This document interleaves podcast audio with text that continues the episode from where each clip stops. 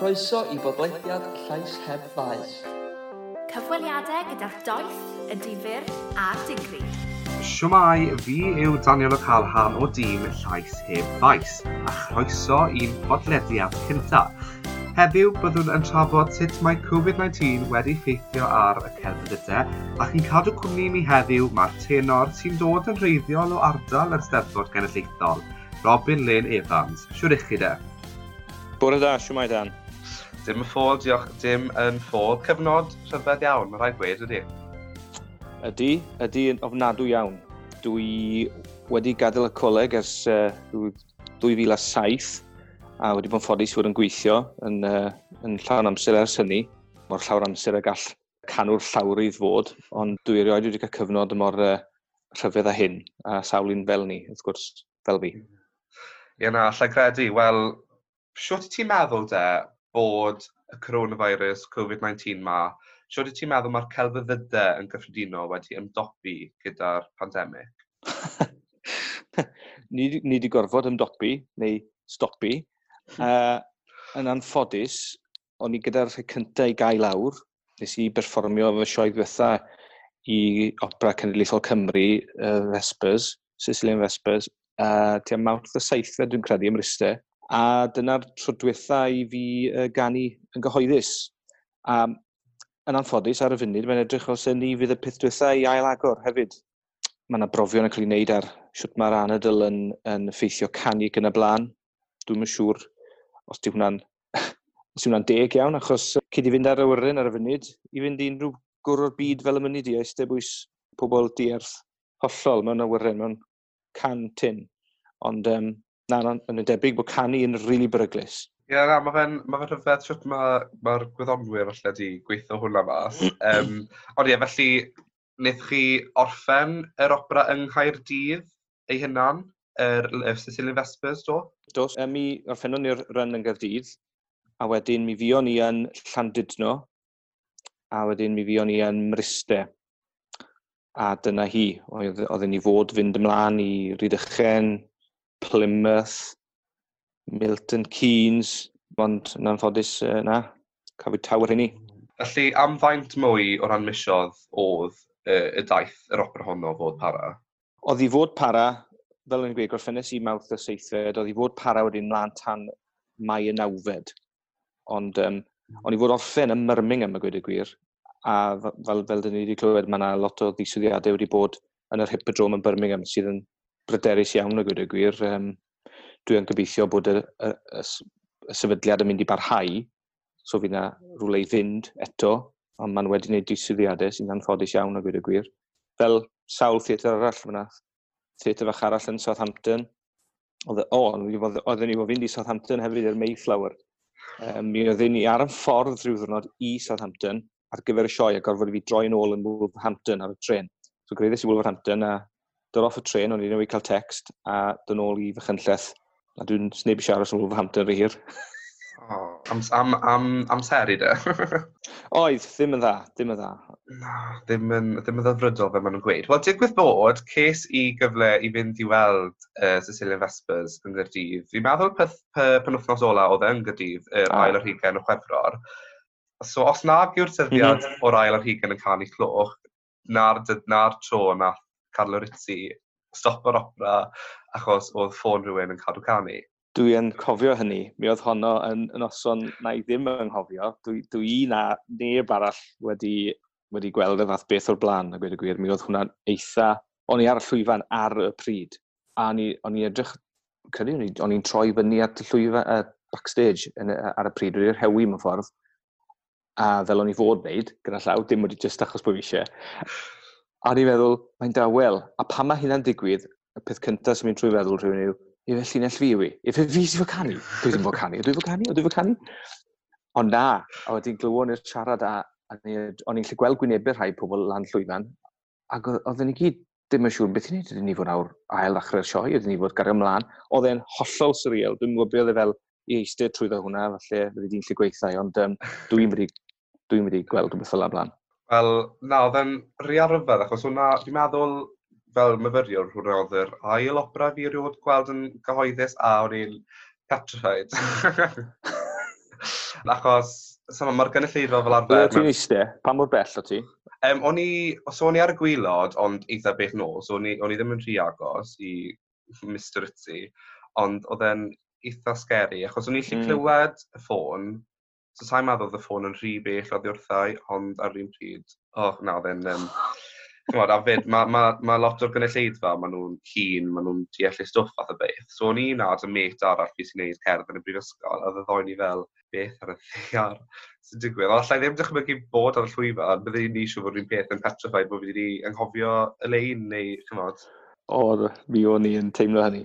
A wrth gwrs, a sy'n mi gwaith, dwi'n mynd i digwydd fi, diolch byth, ond os os yw dy ffôn di mynd ffwrdd, mae'r ma, peth cyntaf ydi anwybyddu iddi falle, a fi'n neb yn gwybod fi oedd e, neu B, wedyn mae rhaid ti wedyn dangos i pawb ti yw e, a wedyn C, mae rhaid ti um, ymbalfalu amdani jyst ffeindio hi, a wrth gwrs mae'r dy fysedd i fel unig i dydyn, so ie, um, yeah, Drian ar ddynes fach. Mae'n debyg oedd e wedi canu cwpla chweithiau cyn i, i Richie dweud rhywbeth dwi'n meddwl oedd hi, a achos o'n i'm yn gwybod hynny, ond so ie, oedd e obviously wedi cael llond bol.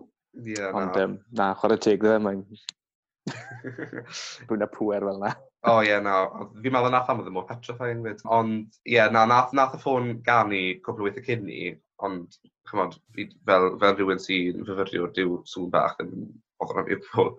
Ond oedd yn bodd rhan lot o bobl, ond ie, yeah, oedd e'n rhywbeth ei gofio, a jyst digwydd bod, a hwnna oedd y tro es i weld yr opera. Oh, cyd-ddigwyddiad. Wel, neu di ddim anghofio hwnna, ta beth. Na, na, na, na ddim, na ddim. Felly, eich chi'n gallu roi rhyw fath o amlynelliad o beth oedd gweddill eich cynlluniau chi o ran y flwyddyn neu o ran beth sydd wedi cael ei gohirio de? O, oh, diw, reit. Am, amryw o gyngherddau, fan hyn yn draw, oedd gen i rhyw bethau i fod yn Llundain diwedd mawrth, oedd gen i gyngedd i fod yng Nghymystwyth, dachrau mis Mai, diwrnod ar ôl, y Vespers diwethaf fel mae'n digwydd a wedyn oeddwn ni hefyd i fod uh, dechrau rôl arall um, i West Green House Opera yn Hampshire, La Rondine, gan Puccini. Oedd honno fod wedi gorffen uh, penwythnos um, sy'n newydd fod y penwythnos mae'n dynawfed a 45 o orffennaf. Dim ond dwy sioe oedd. Felly o'n i'n edrych mlaen i'r rôl hynny, achos oedd hi'n yn opera o'n i heb wneud o'r blaen. Felly mae hwnna wedi mynd. Ac oedd gen i gyngerdd nawr i fod mis Meni yn, yng Ngogledd Cymru, yng Ngwyl Gerdd Gogledd Cymru a'r hydref mae nawr sydd wedi bod ddod, dwi fod dechrau ar ymarferion i Il Tabaro, gan Puccini eto, i Midwell's Opera, taith fechan ar daith dros yr hydre. Ar y funud, mae'n dal i fynd yn ei blaen, dwi ddim yn gwybod, ond gen i deimlad falle fydd i ddim yn digwydd. Dwi'n dar aros uh, cadarnhad am hynny. A wedyn edrych mlaen i flwyddyn newydd, ym mis Ionawr, dwi'n mynd nôl at Opera Cenedlaethol Cymru, dyn dwi'n cyfro rhan Faust yn, yn Faust gan gwno. Felly dwi'n wir obeithio fydd honno mynd yn ei blaen. Ond y si yw fod na, falle fydd pethau ddim nôl i y normal falle am, wel, tan mawrth, ebryll. So dwi ddim yn siŵr siwt mae hynna'n mynd i weithio. Ie, na, mae fe'n rhyfedd achos mae popeth mor ansicr, ond dwi'n siŵr bod ni gyd gytre yn croesi bysau bod chi'n gallu perfformio rhyw faint eleni, achos, wel, fel fi, fi fel arfer yn cystadlu mewn saddodau, fi'n gweld eisiau hwnna, so sa'n modd beth mae fe'n teimlo fel i ddim perfformio achos mae hwnna rhan o'ch swydd chi, mae fe'n siŵr fod yn deimlad real rhyfedd. Ond, wrth gwrs nawr mae ydych chi amser, yr amser newydd ma yn ystod lockdown, yr amser falle chi erioed cael y blaen neu ddim wedi cael ysbel fach. So beth ych chi wedi wneud da'r amser na? Wel, yn ffodus iawn, dwi ni, dwi wedi dod yn dad am y tro cyntaf. Felly, dath, um, cafodd EOS yn eira i geni ebryll y pumed ar hugen. Felly, dwi wedi bod yn reit brysur ar raig. Dyn ni wedi bod yn reit brysur y wrth gwir yn dwylo ni'n llawn, felly mae EOS yn newid droi tri mis. Felly mae digon o beth wedi bod gen i. So felly mewn ffordd, mae wedi bod yn amser delfrydol. Dwi wedi cael treulio gymaint o amser adre i um, dod i nabod EOS a hi gwrdd i nabod fi. Chos fel arall, mi fydden i wedi bod i ffwrdd nôl ymlaen llawer. Mae wedi bod yn handi fel ni. Felly, dwi'n mynd ofnadw o beth. A wrth gwrs, wrth deffro, gyfo codi'n gan los ac yn y blaen, um, hwyrach bod yn well bod fi ddim wedi bod yn canu, achos os ddim byd gwaith i ganwr na, na blinder, felly dwi, dwi, dwi ddim yn dwi ddim yn orbryderu sef y peth ydy, ond na, dwi fyddai neis cael mynd nôl i ganu i rhywbeth i ffocysu arno, a roi rheswm i, wel, rheswm i ganu, mae rhywun yn trio ymarfer rhywfaint cadw llais yn ystwyth, ond dyma'r un fath, mae fel, dwi'n bod, dwi'n fel peldroediwr am yn chwarae friendlies o hyd yn hytrach na chwarae gêm gystadleuol, felly mae dyn eisiau rhywbeth penodol i anelu ato. Ie, yeah, wel, ond on, os buodd amser delfrydol i gael pandemig eriod i chi, wel, nawr yw'r amser hynny. Mae fe'n reisio fedd achos bues i siarad â Tristan Llyr Griffiths byddyrnod, a ddyn gweud yr un peth, bod e wedi cael amser, lot mwy amser na beth bydde fe'n disgwyl cael gyda Efa, fel yr un fath o sefyllfa, ond mae fe'n hyfryd bod, bod chi wedi cael yr amser yna nawr gyda EOS ac wrth gwrs llongyfarchiadau ar, um, ar fod yn dad. Diolch yn fawr. Diolch yn fawr. Lyflu, lyflu. Mae hwnna'n brofiad hollol newydd, so mae hwnna'n, ie. uh, yeah. na, o na, mae hwnna'n uh, lyflu. Ond wrth gwrs, chi'n reiddiol o'r ardal da bliwydd uh, Steddfod Gen fod cael ei gynnal eleni. Mm. So, siwt deimlad weddau e i glywed bod y Steddfod yn dod i'ch ardal chi? Wel, o'n i O'n i wrth y modd o gyda gwir. Dwi, dwi ers blynydde am rodyr pan dyn ni'n teithio mewn i drygaro yna, dyn ni edrych ar y ceia fflat hyfryd sydd ar gyrion Tregaron ochr Pontevedigau ac wedi gweud ers blynydde, yn bydde hwn yn lle braf i gael steddfod genedlaethol. O'n i'n cymharu i falle bysau fel steddfodau bala sy'n steddfodau hanesyddol wych. Byddai chi mor agos i'r dre, mae yna gysylltu rhwng y dre a'r, ar maes. A ni'n meddwl bod yr hwyl yn Tregaron. A wedyn, felly pan ddath y cyhoeddiad, o'n i wrth y modd, o'n i'n meddwl, o'r diwedd, dwi wedi aros y holl mywyd am hyn. A dyna ni, mae hi wedi mynd ag, wrth gwrs, mi oedd hi'n mynd i fod yn stefo'r brysur, a mi o'n i fod beirniadu, ac mi oedd, mi oedd gennym ni rhyw perfformiadau ar y maes hefyd yn, yn Mhafiliwn Oncor. Ond dyna ni, mae'r cyfan wedi cael ei fwrw mlaen i'r flwyddyn arall, i flwyddyn nesaf, felly dwi'n fawr obeithio mi fydd y cyfyngiadau yma sydd efo ni nawr. Wrth reswm, yn bwysig bod yna gyfyngiadau i stopi lledeiniad yr haint, ond dwi'n gobeithio fydd yna rhyw frechiad wedi dod erbyn hynny, fel yn bod ni'n gallu profi eisteddfod draddodiadol normal unwaith eto, yn hytrach na rhyw steddfod gyda'n bethau cymdeithasol rhyfedd flwyddyn nesaf. Bydde unrhyw steddfod wella dim steddfod wrth gwrs, ond os mae dyna fel mae fod, ond i fysa well gen i bod pethau nôl i normal go iawn erbyn blwyddyn nesaf. Ie, yeah, na'n sicr. Alla i ddim dychmygu cael ei mewn cwr gyda phawb yn ddoi fetr i ffwrdd o'r gilydd, bydde'n edrych yn rhi ar rhyfedd. So fi'n gobeithio bod hwnna ddim yn digwydd. Y trafferth wrth gwrs gyda'n proffesiwn ni, fedrwn ni ddim gweithio adre. Mae yna ma sawl heiniau o, o ymbellau cymdeithasol. Dyn ni'n ni, methu ymarfer fel, wedwn ni, opera neu fel cwr. Mae dyn methu ymarfer drws nesau rhywun. Dys, dys rhywun rwy'n methu cael cerddorfa i ymbellau'n gymdeithasol mewn pit, achos dy'r pit ddim digon mawr. A wrth gwrs, dyn ni'n methu cael cynulleidfa eistedd bwys drws nesaf i'w gilydd mewn, mewn cynulleidfa. Ac eto, mae'n iawn i sinemau ail agor, mae'n debyg. Ond mater arall di hynny. Sgwarno ag arall ydy honno, dwi ddim yn mynd i fer ei holi. Felly, dwi'n dwi, dwi, dwi, dwi siŵr, mae rhywun o'r rhywle ddim yn o'r hoff o'r celfyddydau. A cyn i bod pwy sydd wrth, wrth gefn hynny, ond dyna ni. Ie, yeah, na, mae fe'n ma fe bach o hyn lleir celf ydde, achos mae yna ma broblem gyda phob elfen, mae'n ma debyg. Ond ie, na, mae ma, ma Tregaron, allai ddechmygu fe fod yn ardal hyfryd a dylfrydol i cael Eisteddfod, felly croesi bysedd y dal arno flwyddyn nesaf. Ac O ran beniadu, i chi wedi cael unrhyw brofiad o beniadu yn y corffennol? Do, chydig bach. Dwi wedi gwneud rhywfaint dros y blynedd diwetha. Chydig ystafodau lleol, dim llawer. Ges i'r profiad o feniadu yn yr urdd yn 2010 yn Llanel Cheiron, yng Ngheredigion eto, a wedyn beth sy'n bryniadu yn Ynys Môn yn y, yn y genedlaethol yn 2017, dwi'n meddwl oedd hi, ar y cystadlaethau dan 5 ar 20, ond yn, yn Rhygaron oeddwn i fod yn rhan o'r tîm bryniadu ar y, y cystadlaethau dros 5 ar 20. Felly oedd hwnnw'n mynd i fod yn brofiad newydd eto. Hmm. Ond na fe, mi ddaw gobeithio. Ie, yeah, gobeithio'n wir. Ond wrth gwrs mae'r seddfod wedi bod yn rhan bwysig i chi, achos chi wedi wedi ennill y uh, gofod coffa Osman Robert, uh, David Ellis Beddo a gofod eraill fel uh, Cameron Gladol y flwyddyn yn Llangollen. Felly, chymod, mae'r seddfod wedi bod yn bwysig i chi. Felly, pa mor bwysig byddwch chi'n gweud i we o'r rhan chi fel canton yn datblygu i mewn i yrfa? O, mae wedi bod yn uh, hollol bwysig, yn hanfodol y gwyd y gwir. Sa'n ni ddim wedi dyna fel arall, wrth gwrs, sa'n ni'n byw yn Lloegr, sa'n ni wedi cael y holl brofiadau o lwyfannu. Dwi wedi cael yng Nghymru ers yn blentyn. Felly, um, ydy, mae, mae, dyn nhw dwi a canodd arall wedi bod yn ffodus iawn. Dwi'n dwi, dwi poeni bod pobl yn colli allan o'r flwyddyn o gystadlu, pobl oedd eisiau gystadlu, neu falle rhai pobl falle yn ei sector oedran, yn wedi'i yn ystod y ryf, falle oedd nhw'n ei sector oedran olaf mewn un sector ac uh, a hwyrach oedd nhw yn eu pic ac, ac, ac, ac, y ffefrynnau ennill yn, yn ei blwyddyn yma, oedd nhw'n blwyddyn nesaf, wrth gwrs, nhw'n hun nawr, oedd nhw falle y babis yn sector. Felly, mae pethau fel awd i effeithio pobl, wrth gwrs, ond dyna ni, gallwn ni'n newid pethau.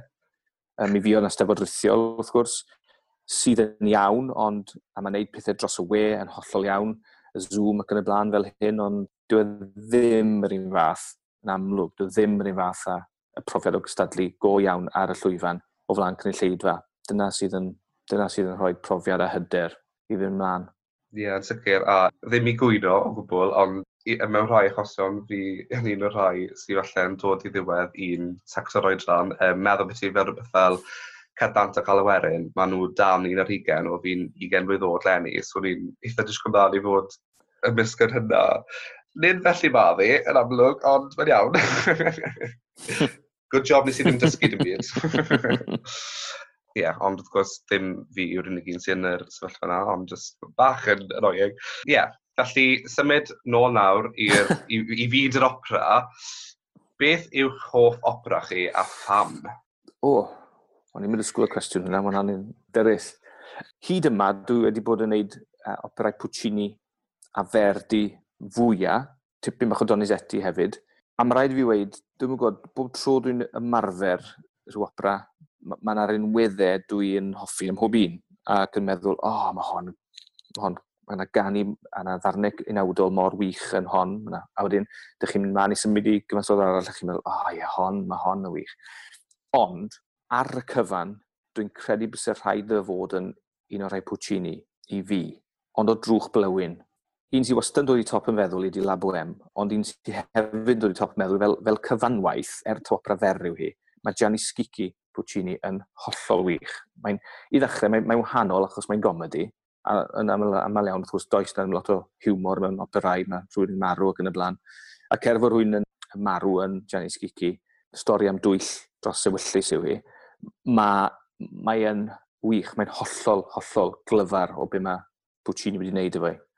A dyna pam o'n i mor drist y gwir bod fi mod i ddim yn mynd i lle wneud Il Tabaro, neu falle bod i ddim yn mynd i gallu wneud Il Tabaro yr hydre yma i Midwells Opera, achos mae honno hefyd yn rhan o'r Tritico Puccini. A wedyn fydden ni wedi gwneud y ddwy allan o'r tair sydd yn, uh, yn, yn, ddi, yn, yn, y Tritico. Wrth gwrs, gallai wneud swor Angelica, achos dim yn merched sy'n honno. Mae Janis Gigi a, a Labwem yn hollol wych.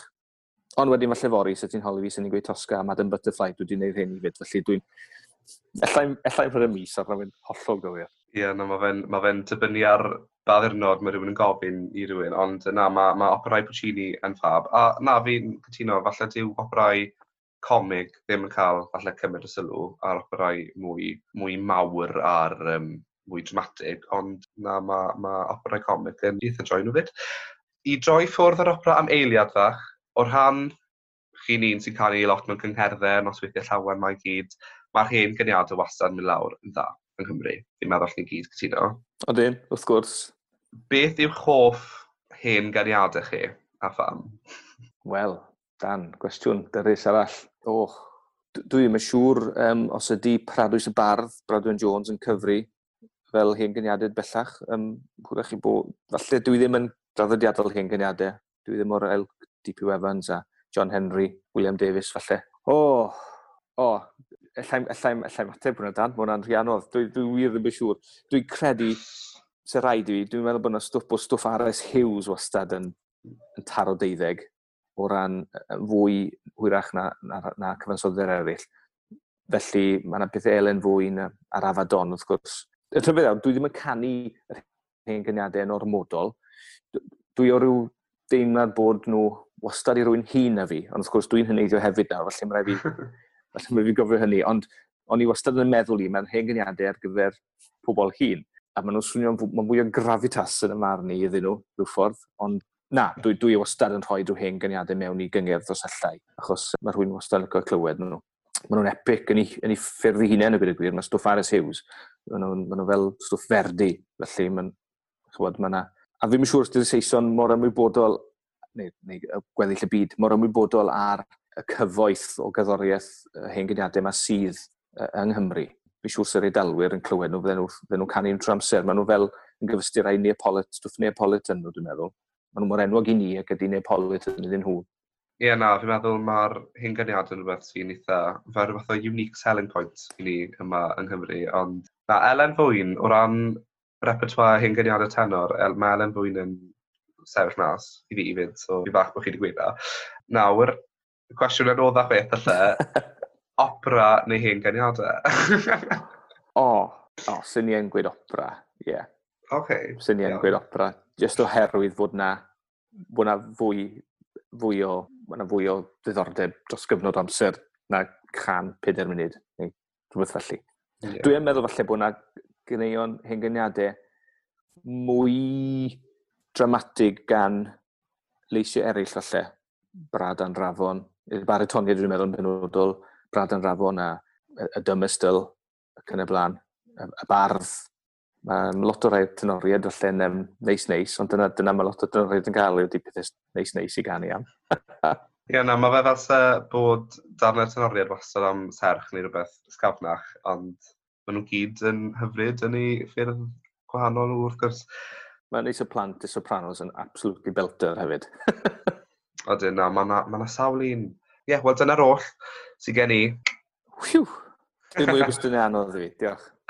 Do, nes i roi chi ar y spot na ffodus, ond na, oedd e'n wych jyst clywed eich, eich ymateb chi a bod fel, wel, jiw ar ddeiar, ddeiaf, ni ddim yn disgwyl hwnna ddi. Ie, yeah, wel na. Wel, hwyl am y tro a diolch yn fawr am ymuno dy fi heddi. Croeso, diolch Dan. A dyna ni am y tro. Diolch i Robin am ei gwmni. A chyn i mi fynd, cofiwch am ein podlediadau eraill sydd i'w clywed ar ein cyfryngau cymdeithasol, ond am nawr, diolch am rando ar bodlediad llais heb ddais.